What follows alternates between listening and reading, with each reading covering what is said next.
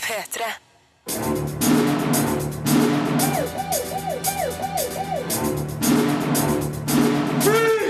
Filmpolitiet! What's your name, dude? Eh, Birger Vestmo.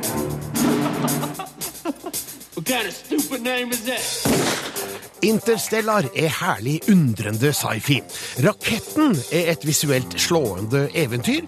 Noen ting måste gå sønder er fin om ung seksualitet. Love Rosie er forutsigbar romantikk, mens bokstrollene er mørk og sjarmerende stop motion. Det her er premierefilmene som anmeldes i denne utgaven av Filmpolitiet, der vi òg bedømmer spillet Call of Duty Advanced Warfare, den spillbaserte TV-serien Halo Nightfall, og vi diskuterer tittelen på Star Wars episode 7, som ble avslørt i går kveld, The Force Awakens. Filmpolitiet. Filmpolitiet anmelder film. We used to look up in the sky and wonder at our place in the stars. Now we just look down and worry about our place in the dirt. Christopher Nolan maler på et enormt lerret i filmen Interstellar. Regissøren bak Inception og The Dark Knight-trilogien kaster seg ut i science fiction-sjangeren med prisverdige ambisjoner. Kanskje er ikke Nolans manuskript, skrevet sammen med bror Jonathan Nolan, så smart som det later til å være, men han skal få ros for viljen og motet til å fortelle en stor historie basert på grandiose ideer. Rent visuelt er Interstellar en fest som holder seg forbausende forankra i virkelige omgivelser, og er samtidig en spennende romfilm som stiller interessante moralske spørsmål. We must confront the reality that nothing in our solar system can. Historien skal ikke avsløres, bortsett fra utgangspunktet. Et stykke inn i framtida har jorda passert et kritisk punkt. Det blir nødvendig å finne en ny planet for menneskeheten, og et mannskap blir sendt ut på en romreise for å finne et nytt hjem. De følger sporene av en tidligere ekspedisjon som dro gjennom et ormehull til en annen galakse. Men hva møter dem på den andre sida? Tidlig i filmen legges det ut noen mystiske spor som figurene reagerer merkelig rasjonelt på. De her sporenes natur er egnet til å fordreie noen og enhvers virkelighetsoppfatning, men er egentlig ikke så vanskelig å knekke. Forklaringa kommer mot slutten i en sekvens som drar sci-fi-aspektene forholdsvis langt, og som jeg tror vil dele publikum.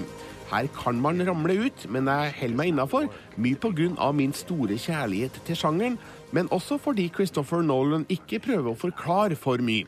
Han lar en del spørsmål henge i lufta, noe som kanskje er like greit. We got this far, farther than any human in history. Well, not far enough. Matthew McConaughey spiller piloten Cooper, og gjør det med sitt sedvanlig slepne Texas-lynne.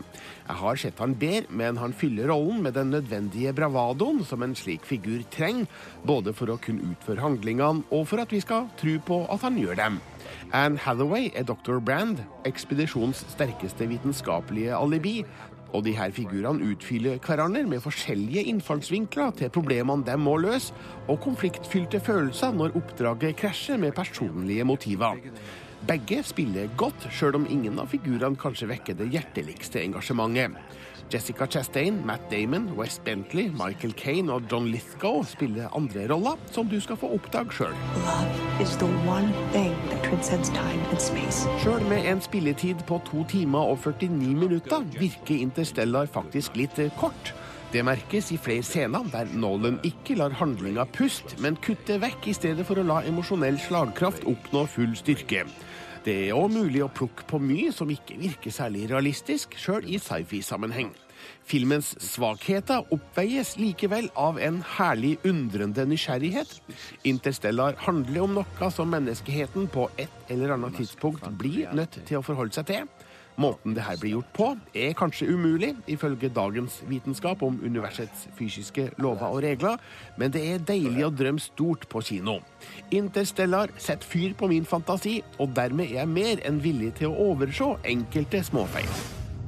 I'm coming back.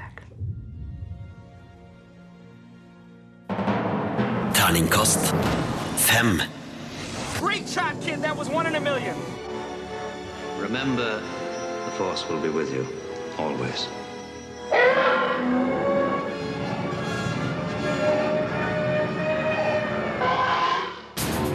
Filmpolitiet på P3. I går ble det klart at The Force er med oss også i den neste Star Wars-filmen, episode 7. Den skal altså da het The Force Awakens. Marte Hedenstad, hva syns vi om eh, The Force Awakens? Jeg syns tittelen høres veldig tøft ut, og så syns jeg det er litt kult at uh, vi endelig nå får en tittel hvor faktisk ordet force uh, blir brukt. Det syns jeg er litt stilig. Ja, for Force, kraften, har jo vært med oss gjennom alle Star War- Star Wars-filmene, men aldri vært med da i tittelen. Ikke sant? Så det syns jeg er litt kult. Eh, og The Force Awakens, det høres jo veldig sånn storslagent ut, da. Ja, det gjør det, men hva tror du tittelen kan innebære for hva filmen skal handle om? Ja, altså, eh, De tidligere titlene eh, i filmserien har jo egentlig vært veldig sånn direkte inn på hva, hva filmene handler om, så vi kan jo tenke oss at det er noe lignende denne gangen. Um, og når vi da tenker The Force Awakens, så kan det jo være dette med at eh, eh, Luke Skywalker Det ryktes jo, da, eh, altså Det er en teori ja. uh, om at han gikk i dekning etter uh, den siste hendelsen i den siste filmen, og at eh, på en måte både sittende og Jediene har liksom forsvunnet eh, fra eh, overflaten. Vært litt sånn i, eh, i dvale? i dvale, rett og slett. Ja. Og at de nå da våkner opp igjen når det er en da trussel som, eh, som dukker opp. Ja, mm. Vet vi noe mer om hva storyen egentlig er i episode 7? Nei, vi vet veldig lite. Eh, Vi vet at det er to unge rollefigurer som har en viktig plass. Og- Men også vet vi jo da at han og Leia har roller i filmen. Eh, Og så går det jo da rykter om at disse to unge kanskje kan være deres avkom, men det, det er kun rykter foreløpig. The Force Awakens er altså da den offisielle tittelen, Mm. men eh, sannsynligvis så blir den oversatt i Norge. Ja, det har jo vært eh, tradisjon for det. Og vi vet jo at eh, The Walt Disney Company Nordic, som er distributør i Norge, driver og jobber med en tittel nå. Men de har ikke kommet på en enda. Så Det er jo ganske nytt det her, da. Altså. Men, men, men altså, den mest åpenbare er vel den direkte oversettelsen 'Kraften våkner'? Ja, så liksom kraften våkner, eller kraftens oppvåkning, eller kanskje når kraften våkner. Det, det, det blir nok noe sånt, ja, vil jeg tro. Men hvis vi ser tilbake, altså A New Hope, eh, Et nytt håp, uh, Mm. The Empire Strikes Back, Imperiet Ja. slår tilbake. Ja, det var vel, eh, det var vel bare mm, den skjulte trussel som ikke var helt direkte Nei, men hva slags tittel var nå The. Phantom Menace, da? Ja. Det er vel bare Quantum of Solace eh, fra Bond som har vært dårligere tittel de siste åra. Ja, sånn at eh, vi tror nok på at det blir en eh, direkte type oversatt tittel her i Norge, ja. Jeg føler at jeg kan leve godt jeg, med Star Wars episode 7 Kraften våkner. Ja, Ja. jeg tror det blir fint, Da. Vi får se hva som skjer der. Nå er det enda et år til den sjuende Star Wars-filmen kommer på kino, men denne uka fikk vi også vite at den er ferdig innspilt. Det er den. Eh, Så det er jo veldig veldig spennende. Kanskje vi får noen flere drypp om hva den handler om eh, etter hvert. Filmpolitiet anmelder film.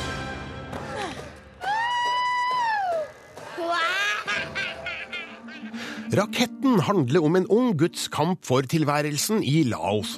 Denne australske filmen er et visuelt slående eventyr fra et fjernt himmelstrøk, og regissør Kim Mordaunt er ikke redd for å gjøre handlinga ganske så mørk før den får lov til å lysne. Raketten er en mektig historie om menneskers evne til å kjempe for det gode, sjøl med store odds mot seg. Det høres kanskje ut som en klisjé, men denne filmen er alt annet enn det. ก็แจ้งให้เธอว่าคอยพวกมีลูกแฝดมะลิ Alo, spilt av Sitifon Disamo, kommer til verden sammen med en dødfødt tvilling. Ifølge lokal overtro kan tvillinger bety ulykke, fordi én skal være god og én skal være ond. Bestemora tror Alo er ond og vil egentlig drepe han, men han får vokse opp på nåde. Ti år senere må familien flytte fordi landsbyen skal settes under vann av en ny demning. Flere vonde ting skjer, som Alo får skylda for, og han må kjempe innbitt for at familien skal få et nytt liv. น้องแม่คงจะปลูกวงนี้ได้หรือเปล่าไปไปไปไปพวกสองคนเนี่ยไป พากันไปหาหยังมาให้กูกินไป Etter hvert møter Alo ei lita jente, Kia, spilt av Lungnam Kausainam, og hennes eksentriske fordrukne og James Brown-elskende onkel Purple, spilt av Tepp Hungnam, som i likhet med Alo sjøl er frosset ut av det lille samfunnet rundt dem. Det er her filmen har noen av sine beste scener, med små og store som lever under sørgelige omstendigheter, men har likevel overskudd til å ha et visst håp. ฮัลโหลยูแซโลมือ เซื้อนวางเหมือนกันเลย Det er forfriskende å se en slik film fra et miljø vi vanligvis ikke opplever, med en annerledes kulturell bakgrunn. Det kan være vanskelig å akseptere uretten som blir begått mot Alo, basert på steinaldersk overtro. Denne kulturelle tilstanden kan òg være en pekepinn på hvorfor de her menneskene er så fattige og så utsatte for det moderne samfunnets fremmarsj i jungelområdene, noe filmen for alvor understreker i scener fra en slumlandsby, som de forhør skal være midlertidig, men bærer preg av å være permanent. ขา Heldigvis finnes det håp, noe som regissør Mordaunt beskriver treffende godt i et flott klimaks, der Alos mot og viljestyrke blir viktig. Her finnes det scener som fortjener applaus, med nydelige sekvenser fra historiens avgjørende øyeblikk. Det er ikke vanskelig å forstå at det her er Australias offisielle Oscar-bidrag. Raketten er god nok til å være en fortjent kandidat. Trailerne!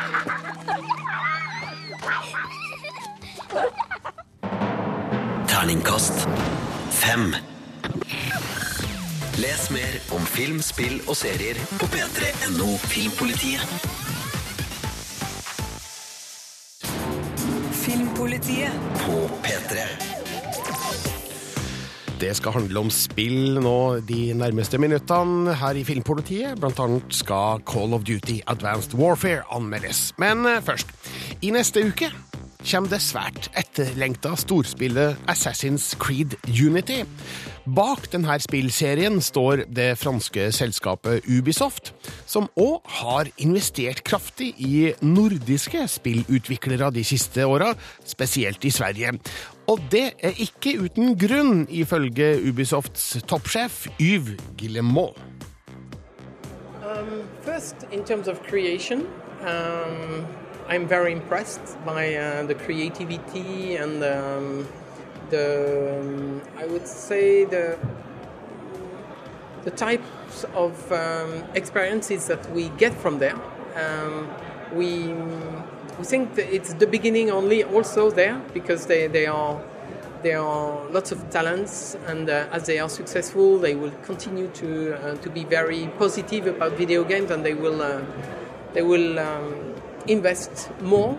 Uh, so, on the creative side, I think we we've seen only the beginning of it.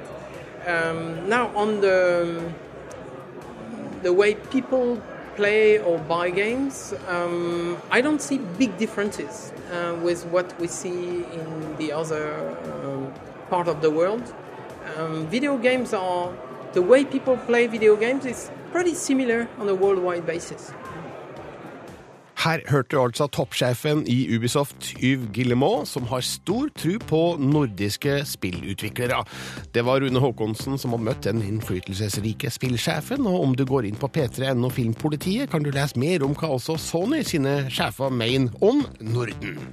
Filmpolitiet anmelder spill. Verdens mestselgende spillserie er tilbake med årets utgave. Call of Duty Advanced Warfare tar et stort steg inn i framtida.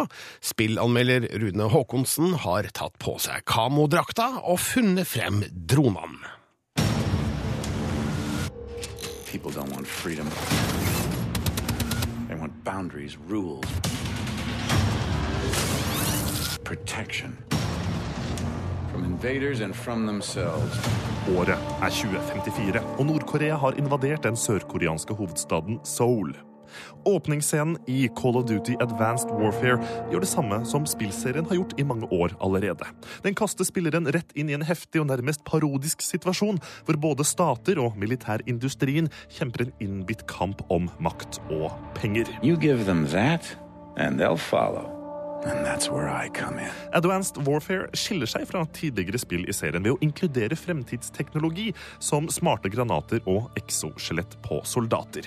Men mer markant er måten historien tar et lite steg vekk fra sitt tradisjonelt så testosterondrevne og maskuline spor. Figurene som kastes verden rundt i intensive kamper, er overraskende mangfoldige. Med både samvittighet overfor sivile som rammes, og interessante kvinneroller som ikke er redusert til ren staffasje. Hovedpersonen, soldaten Jack Mitchell, stemmelagt av den erfarne Troy Baker, blir etter å ha mistet en arm og en venn med i hærstyrken til Atlas Corporation.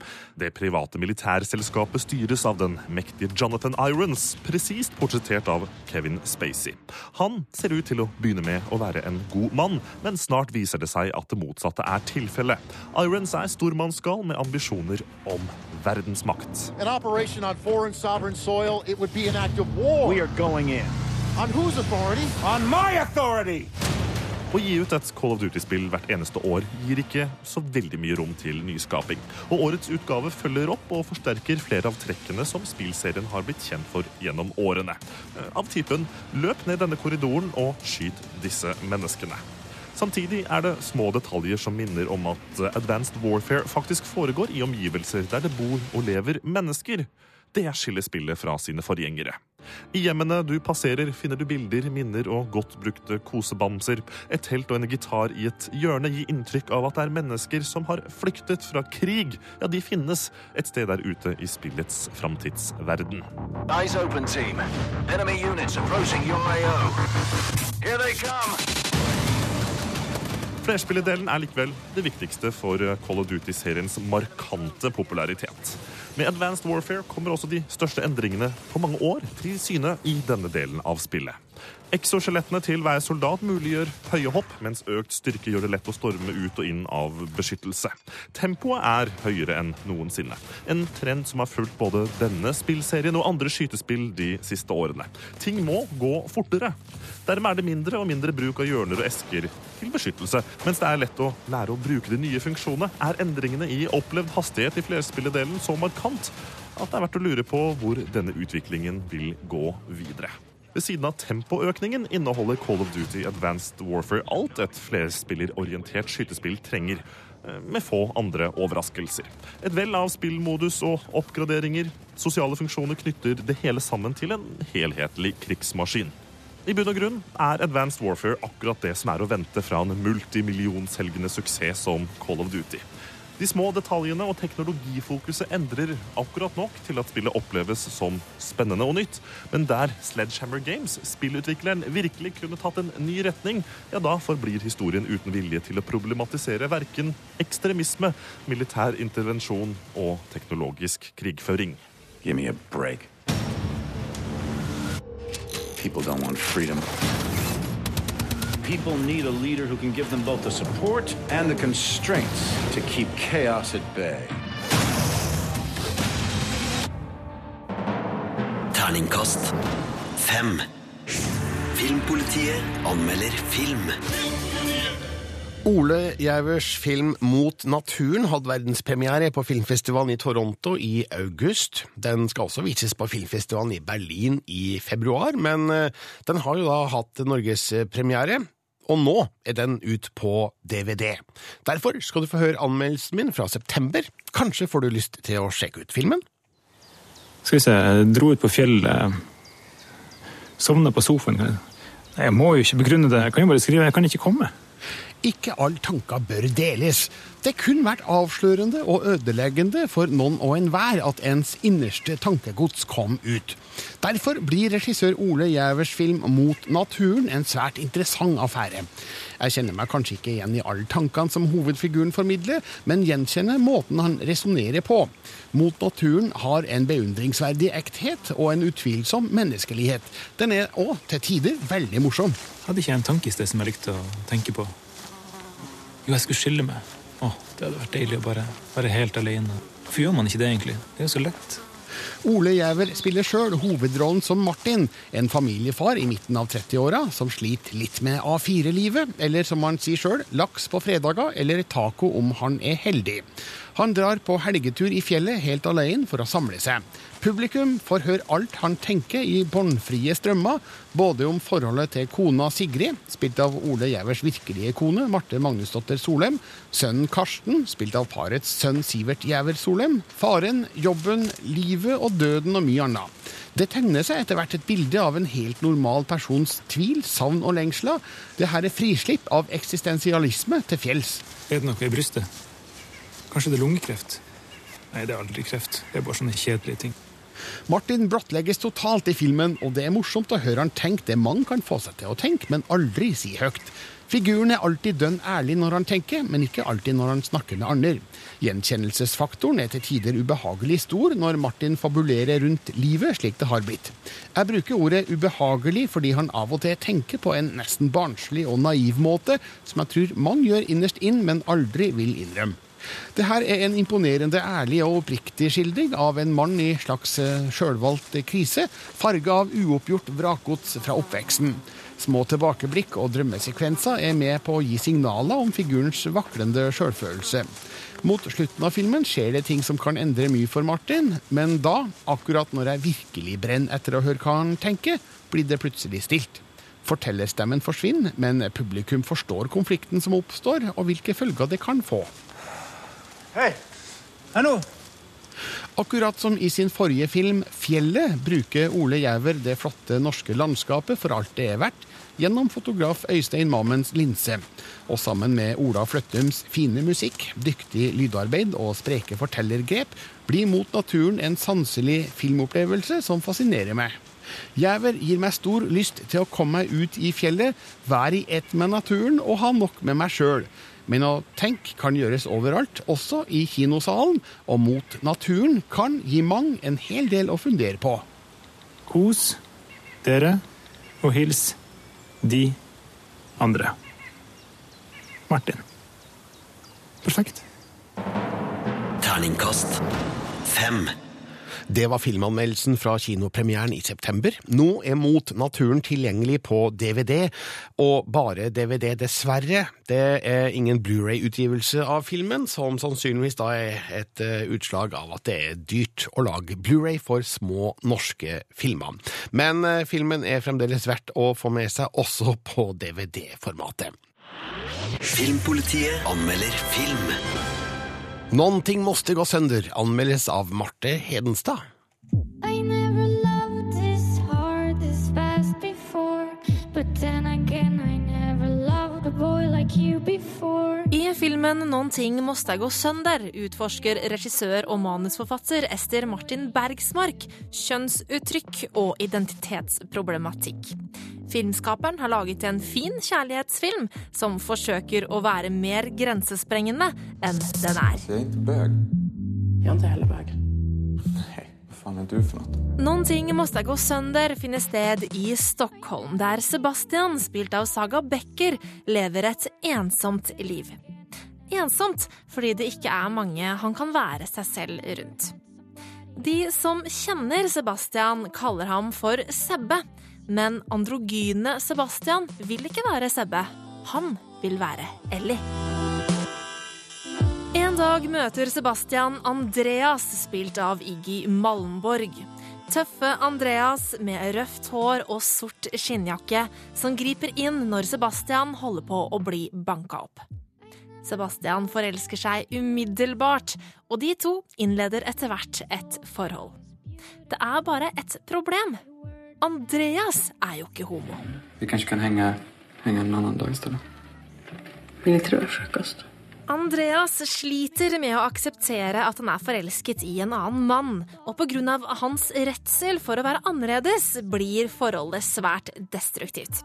Han klarer ikke å frigjøre seg fra andres oppfatninger om hvordan et forhold bør se ut, og ønsker at Sebastian skal legge bånd på de feminine sidene av seg selv, på sin indre Ellie. Hallo, snap, snap. Du bare glor här. Du er en sånn drömmare. Saga Becker, som spiller Sebastian, gjør sin skuespillerdebut i Noen ting måste gå sønder. Og det er hun som gjør at Sebastians vei mot en mer selvsikker tilværelse er verdt å følge med på. Becker er selv transperson og har derfor et nært forhold til tematikken i filmen. Hun bringer et sterkt nærvær til rollefiguren og er overbevisende som den drømmende og til tider naive Sebastian. Du är Noen ting måste gå sønder er ikke en banebrytende fortelling om ung seksualitet, slik f.eks. Fucking Åmål var det i 1998. Til det kommer den for seint. Det er mulig regissør Bergsmark prøver å provosere når kameraet går nært på under filmens sexscener og viser kjønnsorganer i bevegelse, men dette er nå gjort så mange ganger før at det ikke er noe å heve øyebrynene over lenger. Bortsett fra at det er to menn i hovedrollen, utfordrer ikke noen ting Mosta gå sønder konvensjonene for hva en romantisk dramafilm er. Filmen følger den vanlige oppbyggingen vi kjenner godt fra denne typen filmer. Problematikken som tas opp i Bergmarks film er imidlertid viktig.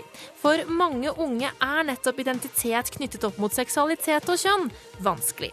Og Ester Martin Bergsmark formidler et sterkt budskap om å stå imot presset fra omverdenen og akseptere seg selv slik man er.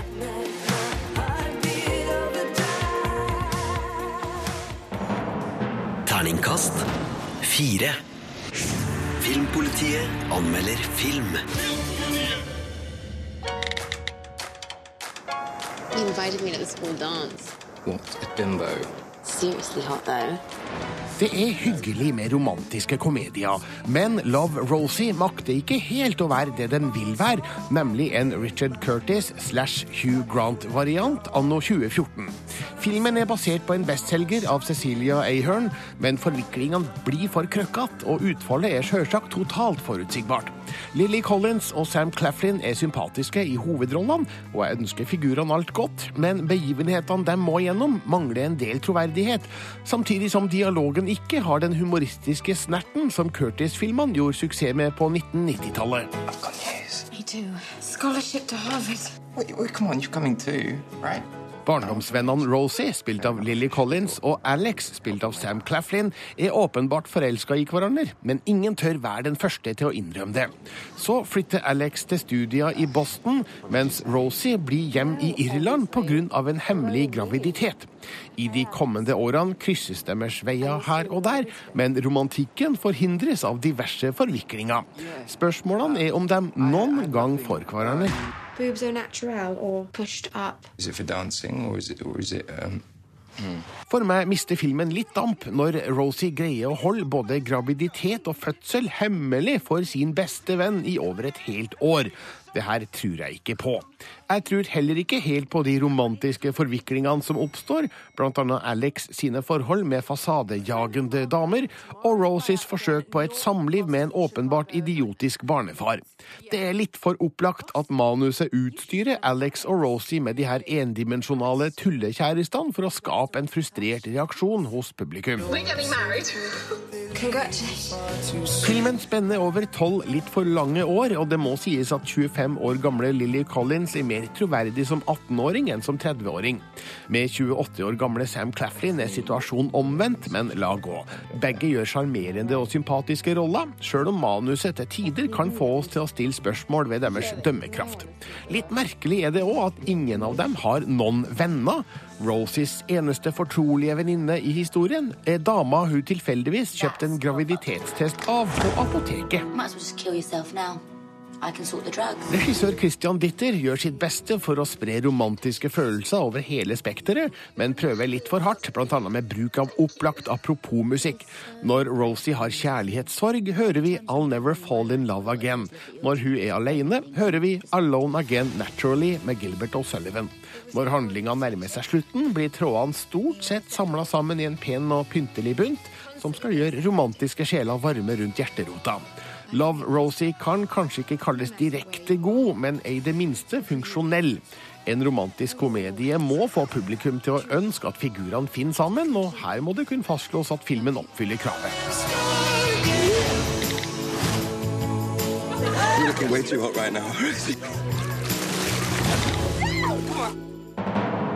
Terningkast tre. Filmpolitiet anmelder TV-serie. They got their hands on a compound that kills humans and nothing else. Medical says they've never seen anything like it. Covenant's found the Holy Grail then, haven't they? It's time to take the war to them. Be a bold move. Send a team in, destroy the stuff. Never thought we'd set foot on the Halo ring. På tirsdag kommer en splitter ny TV-serie til Xbox One. Den heter Halo Nightfall, og da forstår vi at det her har med spillserien Halo å gjøre, Rune Håkonsen? Det er helt riktig. Det er jo en veldig stor trend nå i spillbransjen at man skal lage TV-serier og filmer basert på spillene.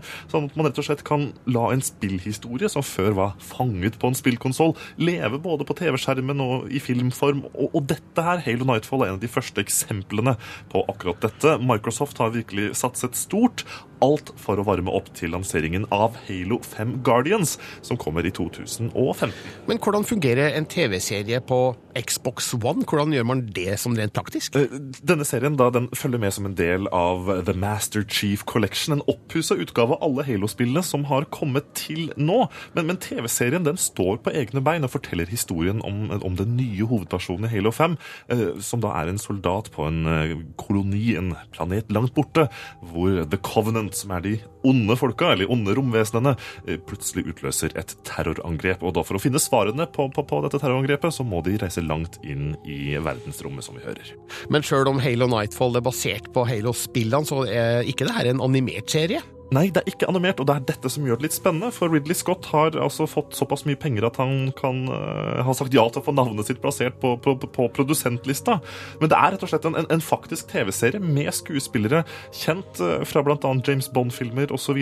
Regissøren har laget Battlestar Galactica og Heroes før, så de har virkelig satset på at vi, vi må lage en faktisk TV-serie, og kvaliteten til Halo Nightfall gjenspeiler dette, syns jeg. Den første episoden den, den introduserer historien og figurene godt. Den klarer å, å legge opp til en spennende utvikling på de neste episodene. Og, og det som er ganske artig, er at uh, man kan komme helt utenfra uten å ha spilt noe Halo før, og likevel få en opplevelse av dette ganske omfattende og spennende fortelleruniverset.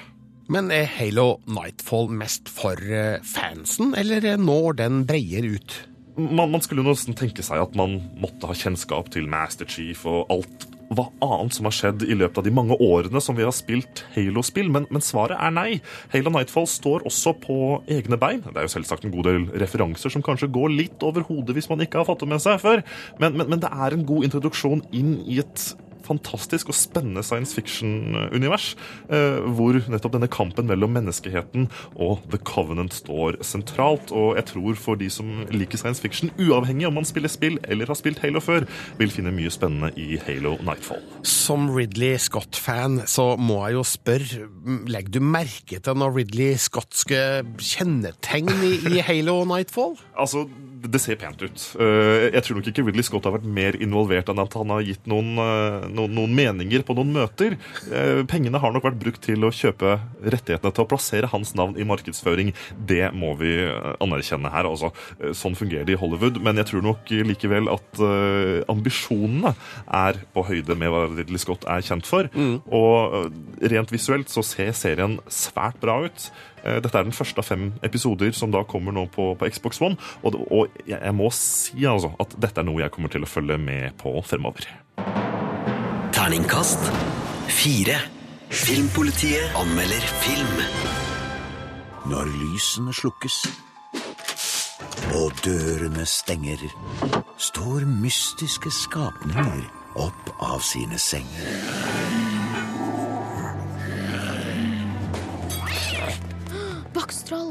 Bokstroll. Bokstrollene, ja. Marte Hedenstad, den har du vært på kino Den og har jeg vært og sett. Kosa meg med skikkelig bra stop motion-animasjon. Mm. Altså dukker som flyttes på eh, og tas veldig mange bilder av. Ja, for det her er en film eh, bak, av folka bak eh, Coraline og Den hemmelige dør og, og Paranorman. Yes, det stemmer det. Det er eh, Live Entertainment Nei, Live. Laika Entertainment eh, som står bak eh, denne filmen. Eh, og det er også en del av de samme folka som har jobba på de tidligere filmene, som har jobbet på Bokstrollene. Men er Coraline og Paranorman eh, Altså, det er jo kjempefilmer som jeg Ja. syns er utrolig kule, men er Bokstrollene like bra? Eh, Den er ikke absolutt helt like bra, men den har mange av de samme gode elementene ved seg. Eh, Det er litt sånn skummel eh, setting, veldig flott animasjon, og en litt sånn derre makaber type humor eh, som eh, er er her. Eh, Men filmen er mynta på litt yngre barn enn Coraline og Paranorman. De hadde jo elleveårsgrense, mens bokstrollene har aldersgrense syv år. Sånn at det er ikke like skummelt som de to andre. Men jeg vil absolutt ikke anbefale at barn under syv år ser denne filmen her. OK. Eh, Det handler jo da om disse bokstrollene som lever under jorda i Ostebro, som har fått et dårlig rykte på seg for å spise babyer og være ganske grusomme. Hey. Men egentlig er de jo bare veldig søte og sjarmerende. Ja, nettopp. Eh, hva, hva er det som gjør denne filmen severdig? Eh, altså, eh, Bare animasjonen i seg selv er eh, noe som gjør denne her verdt å se, for det er så utrolig mange interessante detaljer og veldig fin film å se på den måten. Men så er det også en ganske sånn fin dose ironi her, som eh, gjør at eh, det blir litt morsomt også for voksne. Eh, filmen er ikke like sånn vennlig for hele familien, slik som mange av Pixar-filmene er, at det er veldig mye morsomt for voksne og barn. Den er mer mynta på barn, eh, men likevel så er det en del humor her som eh, jeg koste meg med. Terningkast fire. Og en mer utfyllende anmeldelse av Bokstrollene fins på våre nettsider p3.no slash filmpolitiet. Tenk, snart er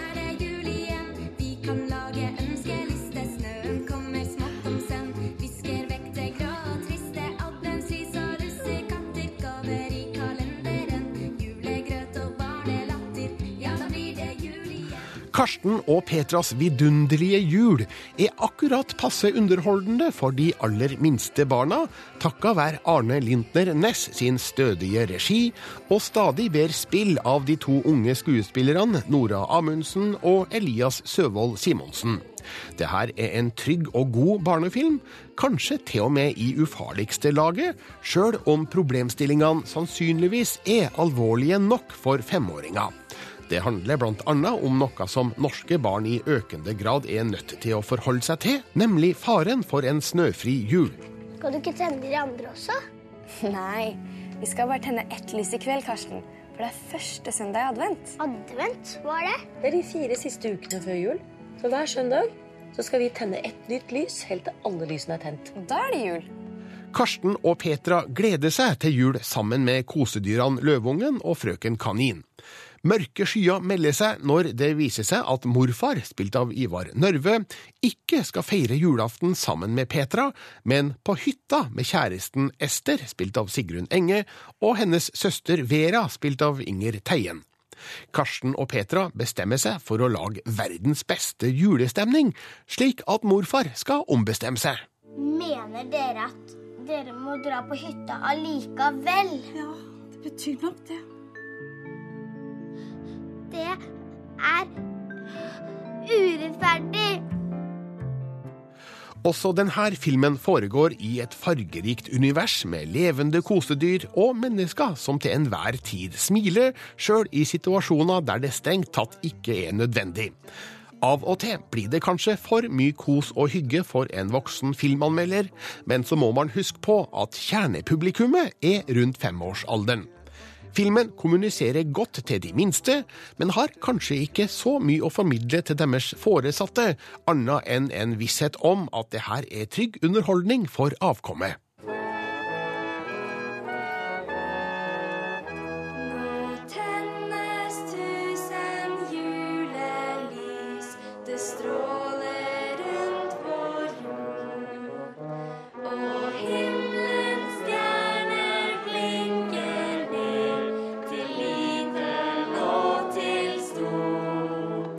Det finnes noen alvorlige aspekter ved historien, som savn, separasjonsangst og klimaforandringer. Petras mor, spilt av Janne Formoe, sørger stadig over sin avdøde mann. Petra er kanskje spesielt opptatt av å feire jul med morfar fordi hun mangler en pappa, og ungene er altså bekymra for at det ikke skal bli en hvit jul. Alt det her er ting som unger vil plukke opp, sjøl om handlinga ikke dveler lenge ved de her momentene. At julenissen oppfylte det første ønsket ditt. Tenk at han virkelig husket det. Ja.